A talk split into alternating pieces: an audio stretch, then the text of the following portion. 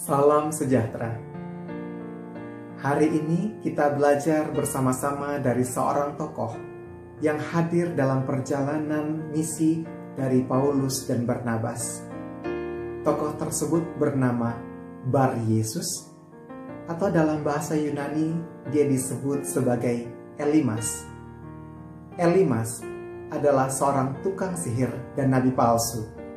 Dalam kisah para rasul pasal 13 ayat 1 sampai 12 dikatakan bahwa Elimas berusaha untuk menghalang-halangi rencana perjumpaan antara Paulus dengan gubernur Sergius. Mengapa demikian?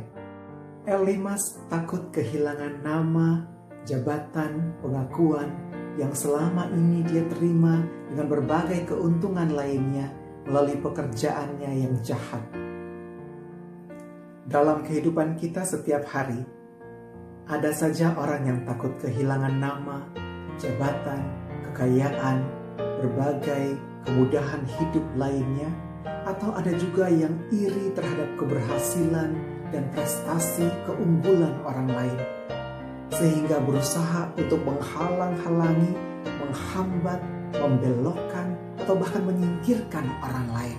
Yang penting saya senang, yang penting saya selamat, yang penting saya bahagia.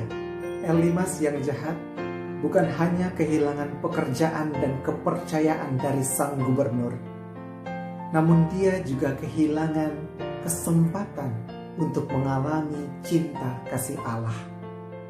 Melalui pengalaman Elimas, kita belajar bahwa berbagai niat jahat, tipu muslihat, dan kuasa-kuasa kegelapan tidak akan sanggup melawan kebenaran Allah.